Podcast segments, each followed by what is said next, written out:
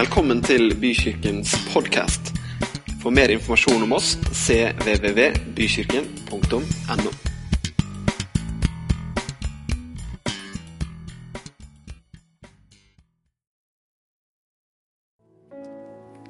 Godt å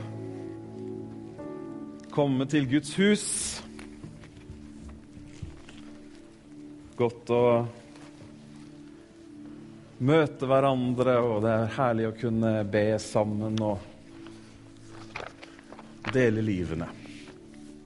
Amen. Det er godt å vite vet du, at eh, når vi kommer til Gud, så er bakteppet at vi er elsket, at vi er akseptert, at vi er ønsket. Er ikke det bra? Det er herlig når du kommer til gode venner, noen du kjenner godt, og så vet du det at de Uten at de nødvendigvis sier det, kan hende de sier det også, men de, de, de bare kommuniserer med hele seg at vi, gled, vi, vi, har gledet oss til dere skulle komme. Ikke sant? Og Sånn er det også. Gud han gleder seg alltid over at barna hans kommer inn i hans nærvær. Og vi, skal, vi har bedt allerede i gudstjenesten, men vi skal, vi skal be igjen sammen. Og jeg oppfordrer deg til å åpne hjertet ditt og la de tingene som ligger på hjertet ditt, bli gjort kjent for Gud. Herre, vi takker deg for din kjærlighet, din omsorg. Takk at du bryr deg. Takk at du elsker oss. Takk at du vil oss alt godt. Du er en god pappa. I ditt ord så står det at all god gave kommer fra deg. Herre, jeg ber om at du denne formiddagen, Herre, når vi deler ditt ord, skal vise hver og en av oss, Herre, hvor høyt du elsker oss, hvor mye du er for oss, og hvor mye du ønsker å lede oss videre på veien mot vårt endemål, som er himmelen, sammen med deg. Takk for ditt levende ord. Jeg ber om at det skal snakke rett inn i livene våre i dag. Og alle sammen sa amen. Jeg har jo allerede sagt at det er fint å se dere, da, men det er jo litt ekstra hyggelig å se noen av de som man har tenkt litt på de siste dagene. Som har vært ute på glattisen. Ingjerd er her vet du, med beinet på stolen. og Fint å se deg. Og Frank som har passert 45 år. og Det er ulike, ulike ting man møter i livet. Og så sitter alle andre her også som jeg ikke har eh, fått noe feed fra på verken Facebook eller andre steder, hvordan man har det. Men eh, ja, det er i alle fall godt å møtes. Skal eh, dele noen ord med dere i dag som eh, ligger meg på hjertet. Og vi lever i et land som eh, scorer veldig høyt på mange ulike undersøkelser. Og på mange statistikker så raver vi høyt når det gjelder levekår. Eh, vi er blant de høyst utdannede. Vi har eh, kanskje verdens beste velferdssystem. Vi ligger på inntektstoppen, og vi har eh, selv om kanskje ikke alle er enig i det, så har vi tross alt i Norge et velfungerende byråkrati. Ta deg en tur litt lenger sørover og snakk med byråkratiet der, så kommer du hjem og priser deg lykkelig. Så det er et godt land å være i. Det er, det er mange gode forutsetninger som ligger, ligger til rette for oss.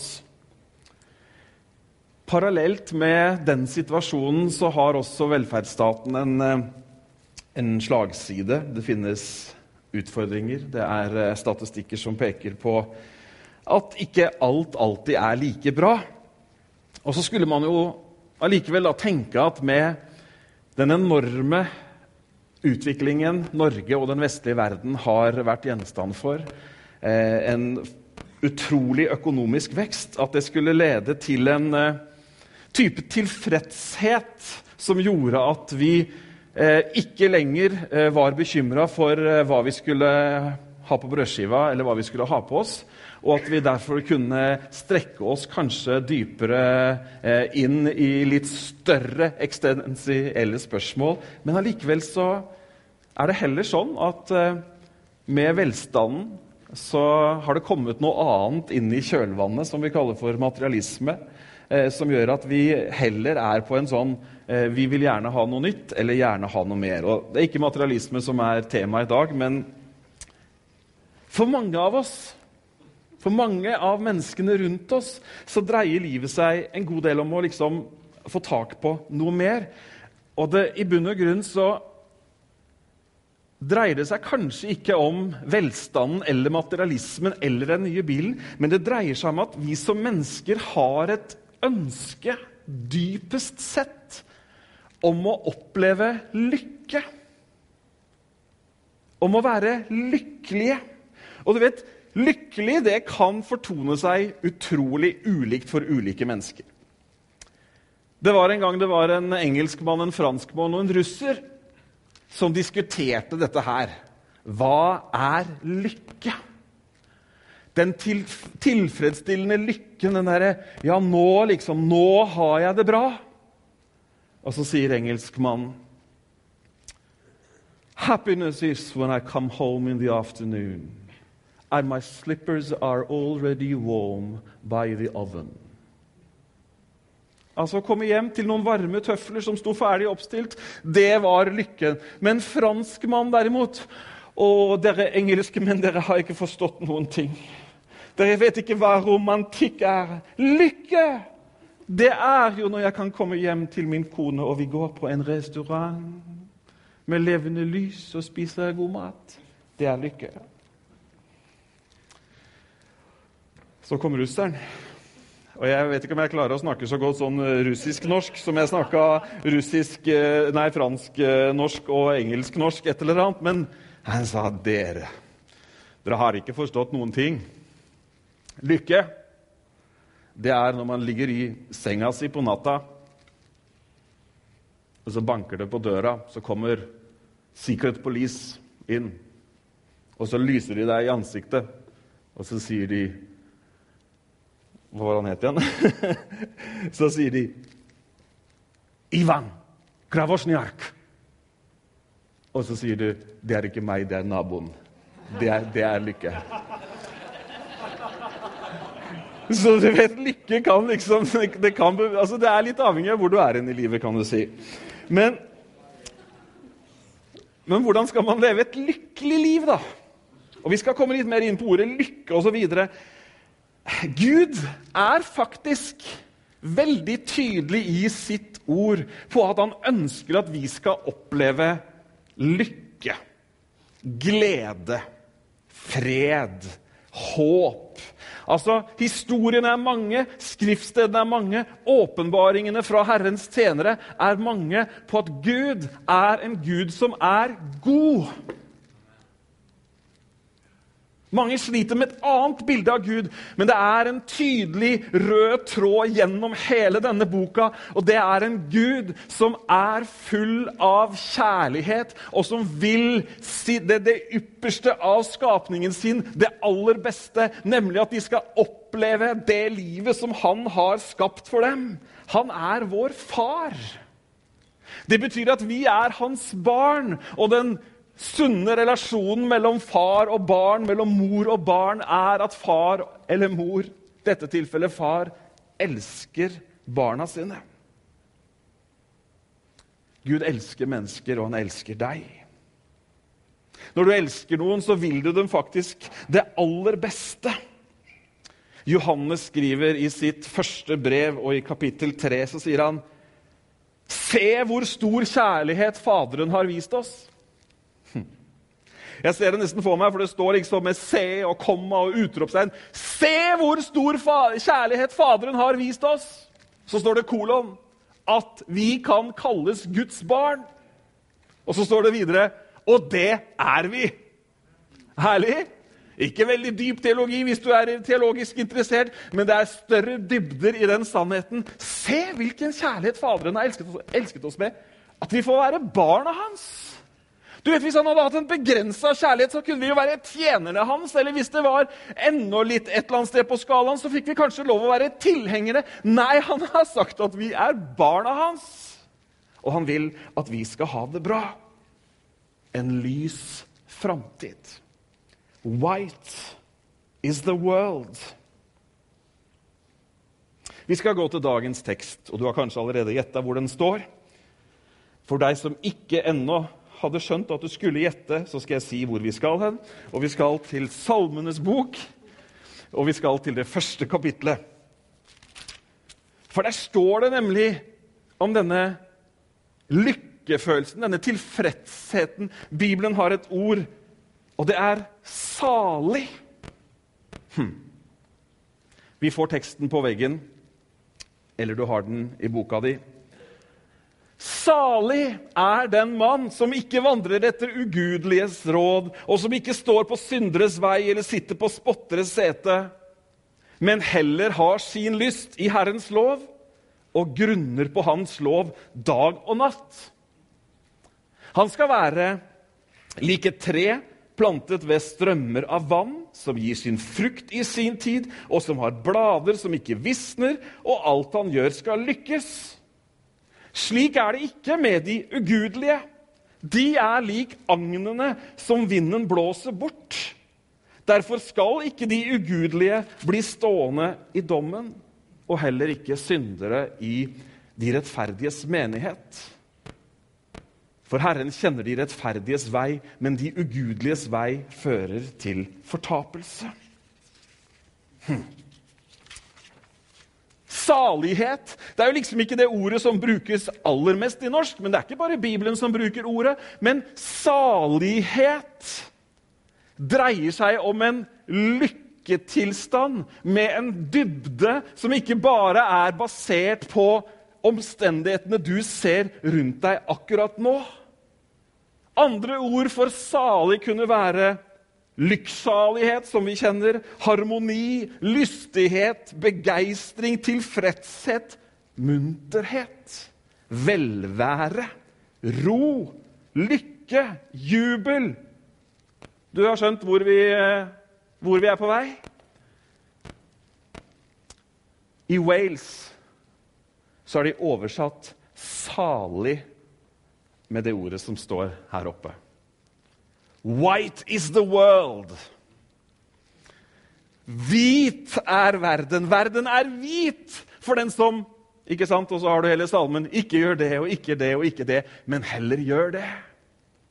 Vi har uttrykk i Norge 'en lys framtid'.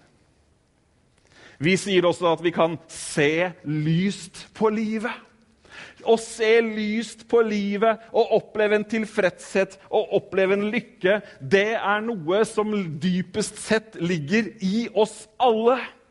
Kanskje ikke vi har uttalt oss selv at vi er lykkejegere. Kanskje ikke vi tenker at det jeg gjør i dag, det kommer til å føre meg opp på neste nivå av lykke. Men vi har en grunnleggende drive. Vi har et ønske om å oppleve denne tilfredsheten, denne roen, denne opplevelsen av at til tross for hva som foregår nå, så er verden hvit.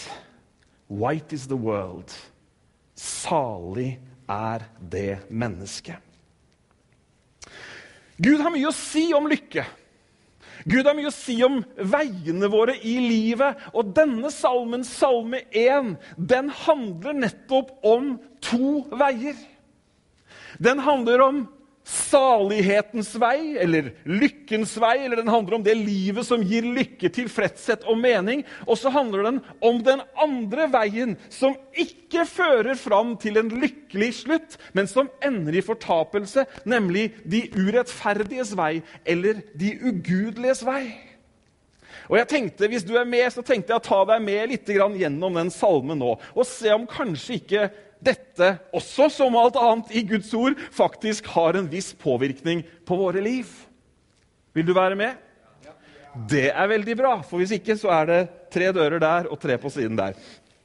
Men du skjønner at Du vet, når jeg skal dele Guds ord, når jeg skal preke eller snakke Folk bruker mange ulike ord. Så dreier jo ikke det seg om at jeg skal fylle en post i programmet i gudstjenesten.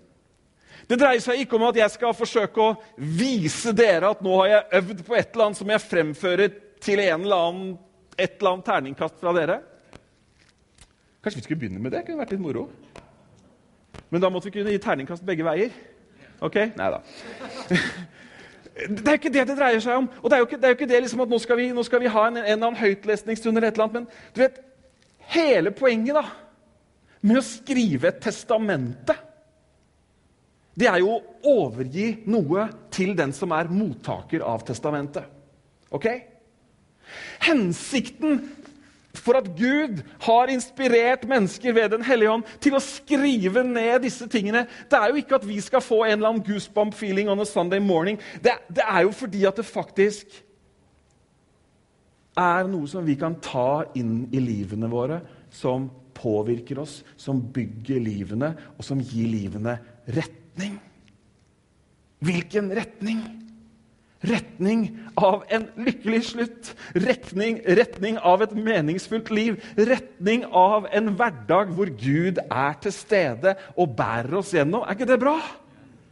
Så vet, vi må, jo, vi må alltid møte Guds ord ikke med en sånn eh, eh, teoretisk tilnærming eller med en akademisk tilnærming, selv om det kan være interessant nok teologi i, som profesjon. Og, og, og som, det er kjempeinteressant, men det er, det er, noe langt mer det er sendt for. og Det er derfor vi deler disse tingene, fordi det er noe som gjelder deg og meg. Du er med? Allerede, når han, når han var midt i denne salmen Jeg håper jeg du har den foran deg, eller så har vi den også på veggen. i hvert fall. Salig er den mannen, osv. Når han begynner å snakke om den salige, den lykkelige, så starter han liksom en liste over hva den lykkelige, den salige, ikke gjør. Det var merkelig.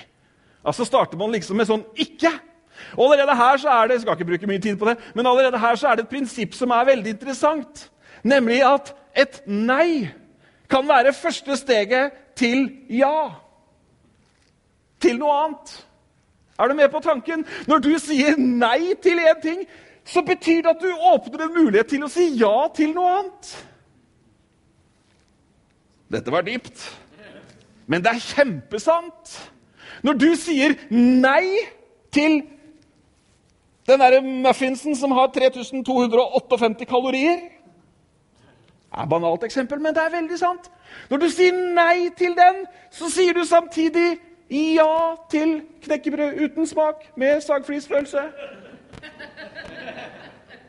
Eller det som er effekten av det du sier. Ja, men er Du med på tanken? Du sier ja til at en, et, et, annet resultat kan komme. Sjokolade. ja. Det var ikke meningen å sette i gang smaksløkene hos noen her. Men det er jo interessant at når man sier nei til noe, så åpner andre muligheter seg. Vi oppdrar barna våre ofte ved å sette en grense. Vi sier nei. Her er noe bedre. Ja, Skal vi bare begynne å si nei nå? Nei, det kommer vi tilbake til litt seinere. Ikke bare si nei, vi skal si ja også for denne salmen her. Den blir veldig bra etter hvert. Men det er jo bare interessant at når Gud i sin kjærlighet snakker til barna sine, så begynner han med å sette noen grenser og si nei. Sånn gjør man ikke, for det kommer noe bedre. Hallo? Ja, Skal vi over i askesen? Vet Ove? skal vi flytte inn i noen huler i Egypt? Nei, nei, nei, nei, slapp av. Jeg bare sier at Gud i sin omsorg han sier at det er noen ting den rettferdige, den salige, ikke gjør. Som åpner helt andre muligheter. Og det første han sier at den salige ikke gjør, han sier at den salige tar ikke imot dårlige råd. Hva står det? Salig er den som ikke lever etter ugudeliges råd. Hm. Ugudeliges råd. Er ikke alle råd like bra, da? Vi lever i et informasjonssamfunn hvor rådene er mange. De kommer jo på løpende bånd. Er det noen av dere som har sett på den der, hva feil, 'Vi spiller Hva feiler det deg'? Er ikke det litt kult? Hvor det er liksom et helt team av leger som konkurrerer med et team av mennesker som har et nettbredd med Google. Og så skal de stille diagnose når de har hørt noen få ord om en pasient. Jeg vet, jo, jeg, jeg vet jo hvilke av de to teamene jeg ville gått til behandling hos. Vet ikke hva du Det er stort spenn de der på Google er innom i løpet av en sånn diagnostisering, kan du si. Ganske, men det er morsomt å se på. så kan, Nå har du fått en anbefaling. Det er ikke ofte du får TV-anbefalinger fra prekestolen her. Men nå fikk du en. Det er veldig bra. Men vi lever i et sånn her konstant Altså, Det er jo informasjon, det er jo råd. Og vi, vi, vi, vi, oppdras jo fra barnehagen at du må jo for Guds skyld ha en mening om alt, alt mulig. Og finn deg et sted hvor du kan servere din mening ganske kjapt. Det er ikke sikkert at de rådene du får fra Google eller arbeidskollegaen eller et velmenende familiemedlem, er et råd og veien inn i evigheten. Du vet, Det er to måter å kjøre livet i grøfta på. Du har kanskje hørt det før. da. Jeg har ikke funnet opp den, men jeg synes den var veldig bra. Den ene måten er å ikke høre på råd i det hele tatt. Da, da er sannsynligheten for at du ender et eller annet sånn utforbakkested ganske kjapt. Den andre måten å kjøre livet sitt i grøfta på, vet du hva det er? Det er å høre på alles råd sikkert møtt en venn eller en bekjent noen gang som står foran et av livets valg. Hva syns du jeg skal gjøre? Hva, jeg, hva, hva ville du valgt? Og Det er kjempefint hvis du har noen gode mennesker som har Jesus i hjertet og er på vei til himmelen, og som eh, har livserfaring på toppen av det. så er det kjempefint å få råd av sånne mennesker. Men det blir veldig slitsomt når du skal liksom kjøre prosessen gjennom omtrent alle mennesker du mener, før du tar en beslutning. Det er ikke lett. Hallo, er dere her? Det er ikke lett. Og du kan ende opp, kan ende opp i et sånn totalt liksom, Hva i all verden skal jeg velge? Salig er den som ikke vandrer etter ugudeliges råd. Med andre ord så sier vår kjærlige himmelske Far Tenk over hvem som er dine rådgivere. Tenk over hvem som serverer deg sannheten. Er det kulturen? Er det trenden? Er det utdanningsinstitusjonene? Salig er den som ikke vandrer eller lever etter ugudeliges råd. Hm. Det andre han sier om disse, disse salige som vi er blant, det er at man ikke havner i en sånn situasjon at man omgir seg med dårlige relasjoner. Å vandre på synderes vei. Én ting er å ta imot et råd, én ting er å på en måte høre noe og så kanskje gjøre noe etter det. Men her tar han det ett skritt videre. For når Bibelen snakker om å vandre, så snakker Bibelen egentlig om livet vårt. Det er ikke det at du plutselig å, nå går jeg på en vei, og her har det gått en synder før meg. Nei, det handler om at du lever livet ditt akkurat sånn som syndere gjør etter samme norm, etter samme verdisett.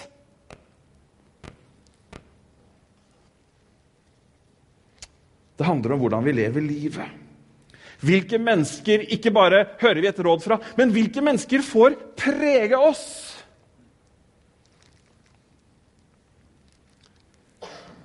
Jeg hadde aldri trodd at jeg skulle oppleve at jeg allerede med barnehagebarn møtte en situasjon hvor jeg tenkte den ungen vil ikke jeg at min datter skal leke med. Kan være at noen andre barnehageforeldre eller foreldre til skolebarn har tenkt det samme. Hvorfor var det sånn? Var det hoppende gærent med denne jenta? det vet Jeg ikke, jeg hadde ikke noe behov for å stille diagnose, men jeg hørte og så nok at jeg tenkte den veien her skal ikke min datter gå. Hvorfor? Fordi at jeg er så streng og sier nei? Nei, jeg vet at et nei der Helt konkret et nei til å være sammen og bruke mye tid med den personen åpner muligheten for å være sammen med andre mennesker. Skjønner du hva jeg snakker om? Ja, Skal vi isolere oss fra verden? Og, ja, men Skal vi ikke vinne verden? Jo, selvfølgelig skal vi vinne verden! Jesus var jo sammen med sånne folk som andre folk ikke ville være sammen med han. Ja, der sa du mot deg sjøl. Han hadde sikkert vært sammen med den jenta. Det kan så være. Eh, men Jesus var sammen med mennesker, og han hadde én agenda.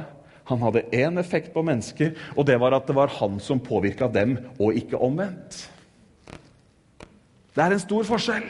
Og vi skal være i verden, men vi skal ikke være av verden. Vi skal ikke leve akkurat som alle andre. Vi har en annen far. Vi har et annet mål. Hmm. Salig er du når du ikke lever livet akkurat sånn som alle andre gjør. Hm. Paulus sier om sitt liv etter at han hadde møtt Jesus, så sier han at det livet jeg nå lever, det lever jeg i troen på Han. Han sier et annet sted at Jesus døde for oss. Det står i 2. Korinterbrev en gang for alle. For at den som lever, ikke lenger skal leve for seg selv, men for han som døde og oppsto. White is the world. Hm. Ja vel, det var mange ikke her, og det var mange nei. Orker du det til? Ja. det er bra. Han anbefaler ikke dårlige råd, han anbefaler ikke dårlig selskap eller dårlige relasjoner. Og så sier han den som heller ikke sitter i spotteres sete. Den som setter seg i en situasjon at man begynner å gjøre handlinger man ikke skal gjøre. Du skjønner at det, Veien mellom disse tre stasjonene er faktisk ganske kort. Fra å høre et råd som ikke er bra, en påvirkning, til å begynne å leve på en måte som ikke er bra, til at du plutselig har satt deg i en posisjon hvor du ikke, hvor du ikke engang er nøytral lenger. Kanskje du var nøytral på en av de andre to i ordets, eh, i ordets forstand. Men, men, plutselig så befinner du deg da i en situasjon hvor du spotter. Ja, hva er å spotte, da? Ja, Hvor du kanskje snakker nedsettende om de som du egentlig identifiserer deg med. Kanskje du latterliggjør noen som i sitt gudsliv lever etter sin overbevisning, men så er den annerledes enn din overbevisning, for du har hørt råd, du har gått en vei som gjør at du ikke er der, og så er det hallo, liksom. Vi kristne vi får jo alle mulige slags stempler. Er man bibeltro, så er man ikke bibeltro lenger, man er fundamentalist. Og fundamentalist har jo ikke lenger en sånn voldsom god klang i den norske befolkning eller i mediebildet. Hei, jeg er fundamentalist.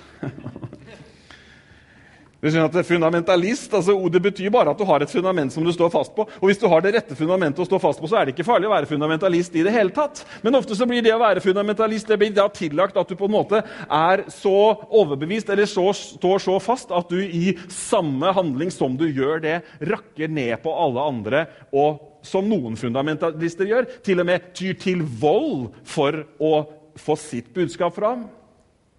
Men det har egentlig ikke noe med ordet fundamentalist å gjøre isolert sett.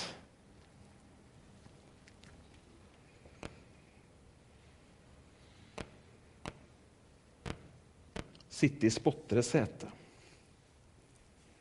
Plutselig så blir allmektig Gud redusert til en størrelse som ditt intellekt definerer. Plutselig så vet man bedre enn Herren Jesus selv. Plutselig så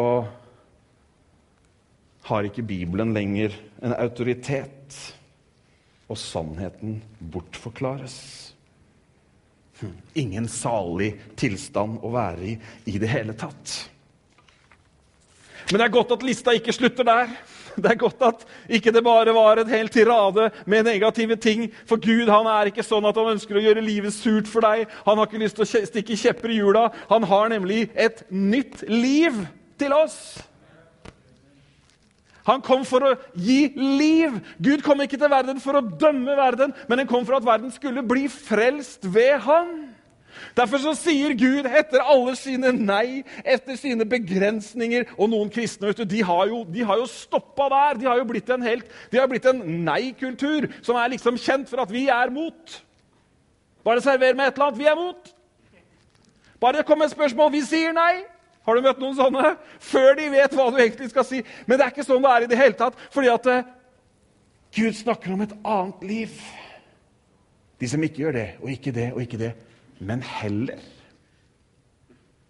Heller, altså on the contrary, på den andre siden, som heller har sin lyst i Herrens lov og grunner på den dag og natt. Han og hva som skjer når man har sin lyst i Herrens lov og grunner på den dag og natt?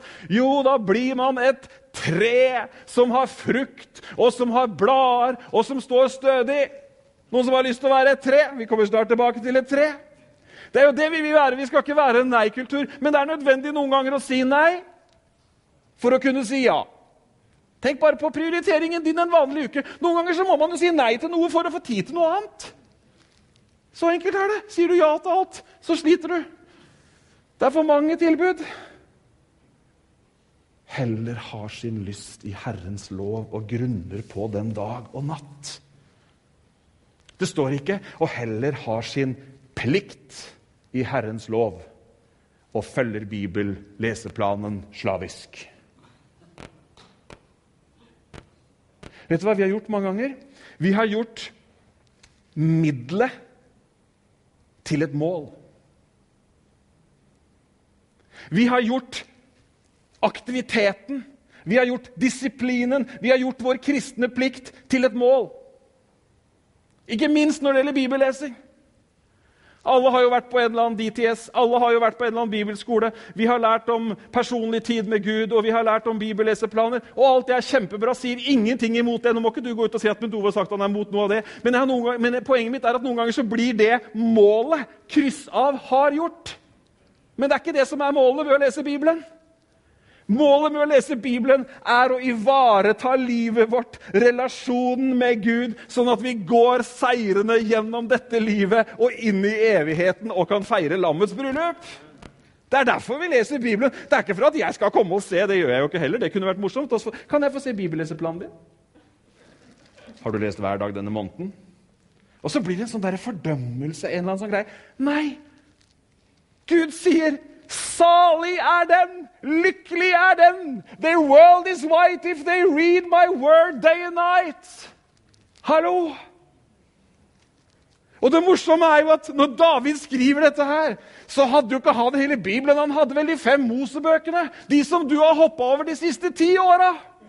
Det var grunnlaget for at han kunne si 'Å, ditt ord, Herre, det er fantastisk'. Det er min lyst å lese ditt ord! Det er min... Altså, jeg, ba, jeg leser ikke bare, men jeg grunner på det. Ikke bare grunner jeg på det, men jeg gjør det dag og natt. Vet du hva dag og natt, vet du hva, vet du hva, det, vet, vet du hva den hebraiske betydningen av det er? Dag og natt. Jeg har slått opp. Nei, jeg har ikke det. Det er ikke noe mer skummelt enn det. Men han har sin lyst i det. Og så sier Gud, da da, da, da, da blir du salig.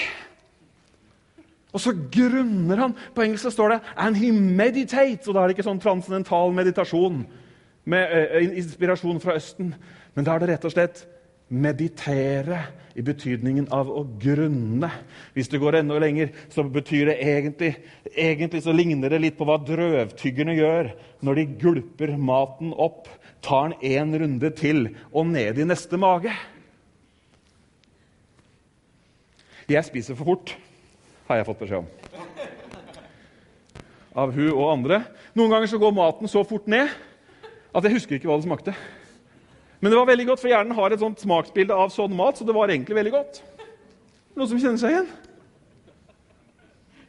Og noe mat tro meg, er ikke god å gulpe opp og tygge en gang til. Så det er ikke det jeg snakker om. Men noen, vet du, noen de sier ja, nei, jeg har hørt alt før. jeg. Jeg trenger ikke å gå på møte og ha hørt alt før. Da har du misforstått absolutt alt! Jeg leste Johannes evangelium en gang før. Ja, det var i 1979, og jeg tok til og med noen røde streker under fire vers. Nei, grunne på ordet det, det, vet du hva? det betyr egentlig bare å mentalt koble på og tenke på Guds ord. Du trenger ikke yogamatte. Du trenger ikke tente lys, selv om det kan være til hjelp for noen. og Det, skape, det, er, det har jeg snakka om før. Å skape et sted, et rom, hvor du, hvor du bruker tid med Gud. Kjempefint. Men skjønner du hva jeg mener? Si at du skjønner hva jeg mener, for nå sa ingen noe. Ja, du skjønner hva jeg mener. Kjempefint. Har sin lyst i Herrens lov og grunner på den dag og natt. Når du gjør det, sier Gud, din far i himmelen, så sier han at du blir ikke som et Hva sto det på norsk? Nå ble jeg litt sånn Da blir du ikke som et sånt agn Sånn er det du vet, i ytterste delen av, av, frøet når de tresker det som vinden bare kan flytte bort. Nei, du blir noe helt annet. Han sier at du blir et tre. Og Nå skal jeg snakke litt om det treet. For jeg snakker ikke om en trestubbe. Er ikke det han sier du skal bli. Jeg snakker ikke om et frø med et potensial. Men han sier at du skal bli et tre, ikke en to tom fire. To tom fire kan være laget av tre, men ikke det heller. Men et tre. Et levende tre. Sånn er den salige! Sånn er den som sier nei til disse tingene, og som har sin lyst, ikke sin plikt, men sin lyst i Herrens lov og grunne på den dag og natt. Han er ikke bare et hvilket som helst tre, for trær kan være mange ting. Har du vært i skogen og sett på trærne? Jeg er i skogen nesten hver dag og jeg ser på trærne. Det er veldig stor forskjell på trærne. Noen har hatt kår som har gjort at de har blitt store og sterke, mens andre de tror jeg har sett omtrent like store ut de siste 15 åra, for de står i en eller annen sånn liten fjellsprekk og får sikkert veldig lite av det beste de skulle hatt mye mer av. Men dette treet er som et tre som står planta ved strømmer av vann. Det betyr nok næring. Det betyr alt som trengs for vekst. Jeg snakker om deg. Det betyr at man har alt som skal til for å møte vær og vind og enhver omstendighet. Halleluja! Det er, det, det, du at du skjønner hvor jakten på lykke begynner nå? Den begynner ikke etter alle de tingene man kan få tak i, men den begynner i at vi søker Gud i at vi lever nært av Han. Da blir vi sånne trær som står sammen. Og det vet, er også et nydelig bilde. De sier det om The Redwood Forest i eh, The United States of America. De, de sier at disse røttene de går utrolig mye sideveis, og de går inni hverandre, sånn at det, det ene treet faktisk til og med hjelper det andre treet med å holde seg oppe når vinden er sterk. For et nydelig bilde på kirken!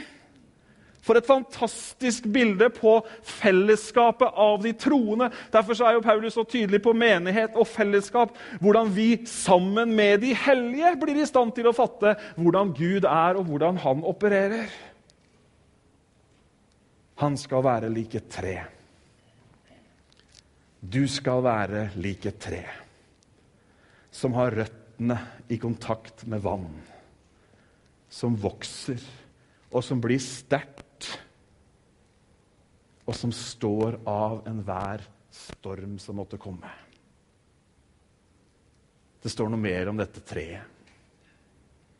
Hva sto det? Som gir sin frukt i sin tid.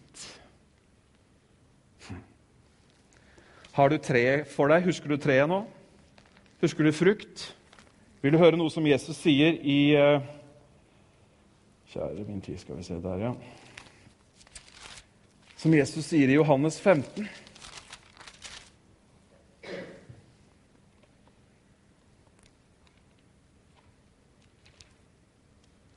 Vers 5, Johannes 15. Jeg er vintreet, dere er grenene. Den som blir i meg, og jeg i ham, bærer mye frukt. For uten meg kan dere ingenting gjøre. Husker dere 'bli i meg' og 'dag og natt'? En sånn tilstedeværelse som ikke er av og på, men som er der hele tiden. Den som blir i meg, Det er derfor Guds ord og Jesus er ordet. I begynnelsen var ordet, ordet var hos Gud, og ordet var Gud. Og så ble ordet kjød og tok bolig iblant oss. Så når vi snakker om at den salige grunner på Herrens lov dag og natt, så er det den salige som har Jesus hos seg dag og natt, og som ved Den hellige ånd kommer i hu ordene han sier, sannhetene han prekte, og som finner liv ved disse. Nydelig. Fantastisk. Hvis dere blir i meg, og mine ord blir i dere. Dette er Jesu egne ord. Kan dere be om hva dere vil, og det skal bli gjort for dere. I dette er min far herliggjort, at dere bærer mye frukt, og dere skal være mine disipler. Hm. Mye frukt. Å, jeg vil være et sånt tre, altså. Jeg vil sørge for å være så tett på strømmene av vannet, så tett på sannheten, så tett på livet i Gud at det bærer frukt. At jeg blir stående. Vi har et stort eiketre sånn rett øst for eiendommen. Helt på tuppen, helt på kanten der hvor sjøen begynner. Og Vi syns noen ganger det blåser mye der hvor vi bor, men jeg vet jo at jeg har vært der ute når det blåser også. Der blåser det mye mer. Men det nydelige med dette vakre treet, det er jo at det blir stående. Det er ikke sånn at den ene dagen så er treet borte, og neste dag så har bonden flytta det et annet sted. Nei, det blir stående. Og hver eneste vår så kommer det nye blader på trærne. På dette treet. Dette treet som han sier at vi lykkelige, vi salige, vi tilfredse Det treet vi er. Vi har blader som aldri visner. Jeg vet ikke hvor mye du kan om trær. Jeg vet ikke hvor mye jeg kan om trær, jeg heller. Men et av de første tegnene på at noe er galt, det er hvis det ikke kommer blader om våren, eller hvis bladene plutselig faller av eller begynner å krølle seg, eller et eller annet. Men dette, her taler Gud om det livet han har gitt oss, som ikke er et liv som kommer og går, eller som plutselig visner, og så må det gjøres på nytt, og det ene og det andre. Men det finnes en kontinuitet. Et tre har stått der, og står der, og står der igjen, og bærer frukt en sesong til og møter stormen nok en gang, møter utfordringen nok en gang. Jeg snakker ikke om trærne, og jeg snakker om livene våre. Men det har sine røtter så godt festa, så nær kilden, at det blir stående.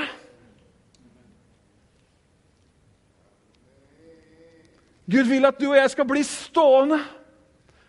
Det kan komme sesonger i livet, og jeg vet mange her både som jeg vet om og som jeg ikke vet om, er i ulike sesonger i livet.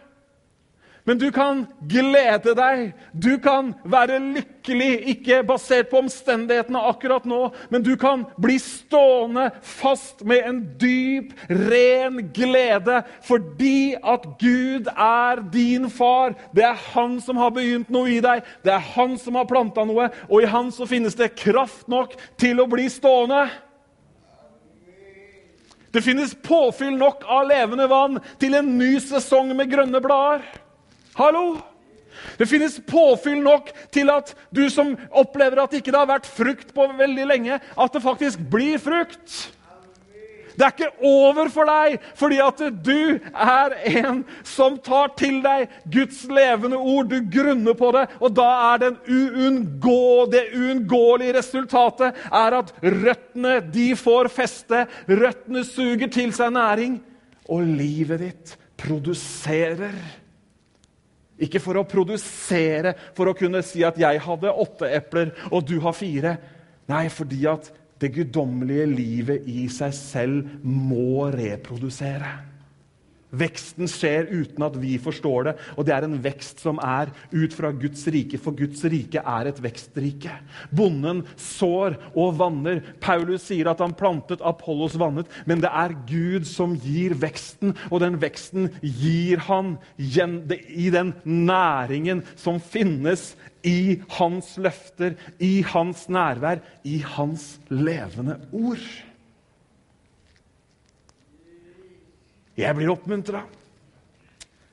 Jeg kjenner at uh, denne salmen her, den har vært med meg i noen uker nå. Og jeg har gleda meg til å dele det, fordi det er ikke et nei-budskap. Det er ikke et trelldomsbudskap, men det er et frihetsbudskap. For dine greiner skal nå lengre. Ditt tre skal stå stødig. Dine greiner skal bære frukt, kjære venn. Vi lever ikke i en tid hvor det er liksom over, og vi driver og beskjærer og sørger for at vi har ved til neste vinter. Det kan du også bruke et tre til. Nå må vi spare så vi har en kubbe til i morgen også. Nei, det er liv. Kjære Jesus. Han skal være lik et tre. Nå må vi prøve å vende tilbake til notatene her. Det er noe med frukt, vet du. Én ting er frukt. Det er sikkert gøy å bære frukt. Jeg har aldri prøvd å bære frukt sånn i, i, i fysisk forstand med epler og pærer.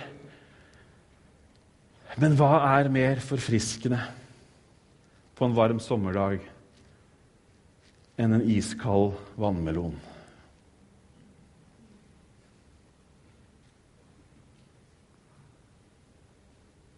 Gud sa til Abraham, vår trosfar.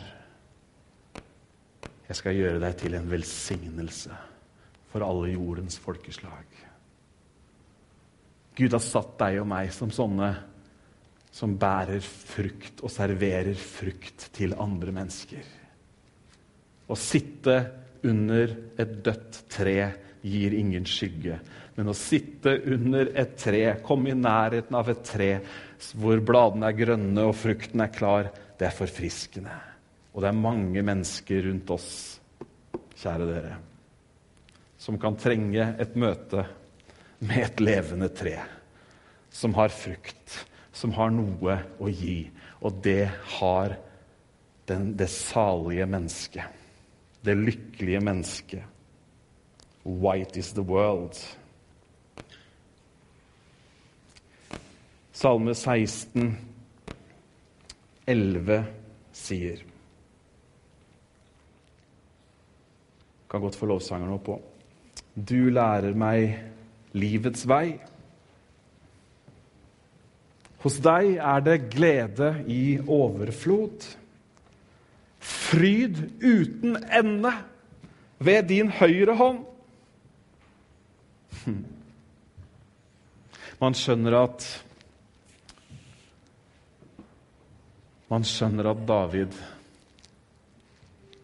har opplevd det han skriver om. Hos deg er det glede i overflod, det er fryd uten ende ved din høyre hånd.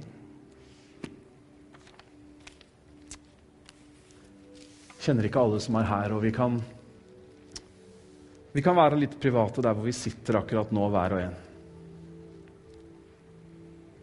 Kanskje du har sittet her og hørt eh, noen bibelvers fra en, eh, et sted i Bibelen du ikke har hørt om før. Kanskje du har hørt eh, begrep som eh, ugudelige og urettferdige og det ene og det andre. Så har du også hørt om at livet kan få en positiv utgang. At det finnes et liv som ikke er Som ikke ender i fortapelse men som ender i himmelen. Og at det finnes en glede, en dyp, sann glede, tilfredshet og håp, som best kan beskrives ved dette treet.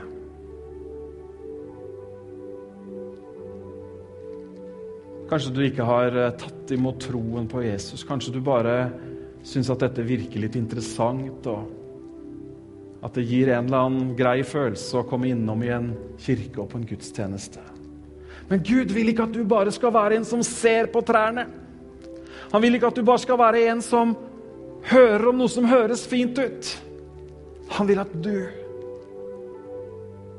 skal ta imot Han som den gode far han er, som den gode frelser han er. Og så vil han gjøre deg til et sånt tre. Som har røtter som er i kontakt med vann, og som opplever et meningsfylt liv. Hvis du er her i formiddag og du har lyst til å ta en bestemmelse om at jeg vil gi livet mitt til Jesus, jeg, jeg vil ta imot hans tilgivelse, jeg vil oppleve at han tar bort synden min, og at jeg får dette nye livet så har jeg lyst til å inkludere deg i en bønn som vi skal be felles. Hvis du har lyst til at jeg skal inkludere deg i den, hvis du vil ta imot Herren som din frelser og Herre, så kan du bare, mens vi andre har øynene lukket, så kan du rekke opp hånda di, og så skal jeg ta deg med i den bønnen. Jeg skal ikke kreve noe mer av deg. Men hvis du vil ta imot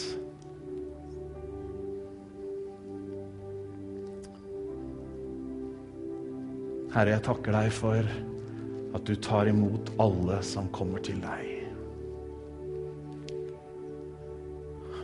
Dine grenser er gode grenser, og din kjærlighet, den overgår alt. Takker deg for det ordet vi har delt i dag, Herre. Takk for at når du sier nei, eller setter en grense, så er det for å åpne horisonten mot deg. Mot det livet som du har skapt oss til.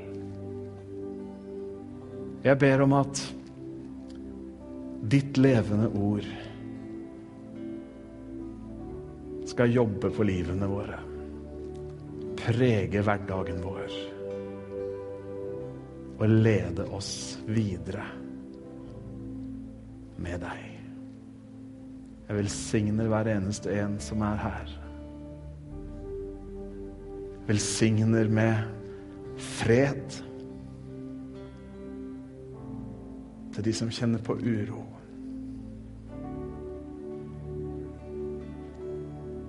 Takk, Herre, for ditt levende håp. Ber om at du gir det, Herre, til de som syns at nå ser det håpløst ut.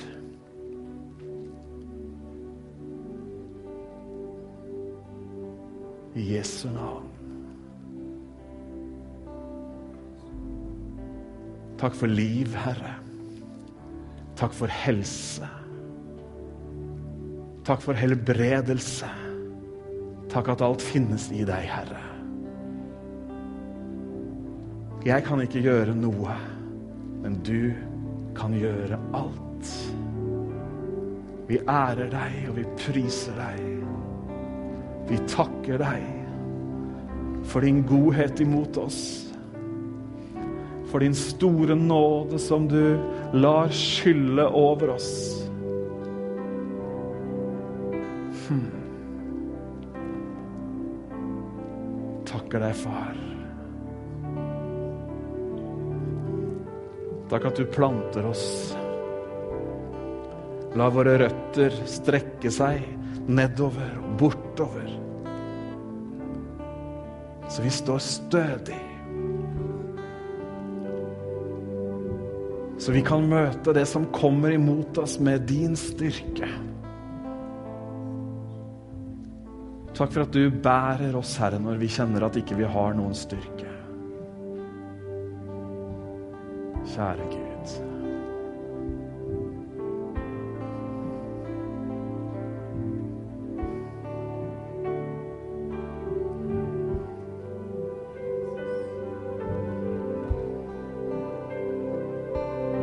Herre om at du gjør ordet ditt levende. Lar oss ta det imot, grunne på det og få kjenne hvordan livet flyter inn i vårt liv.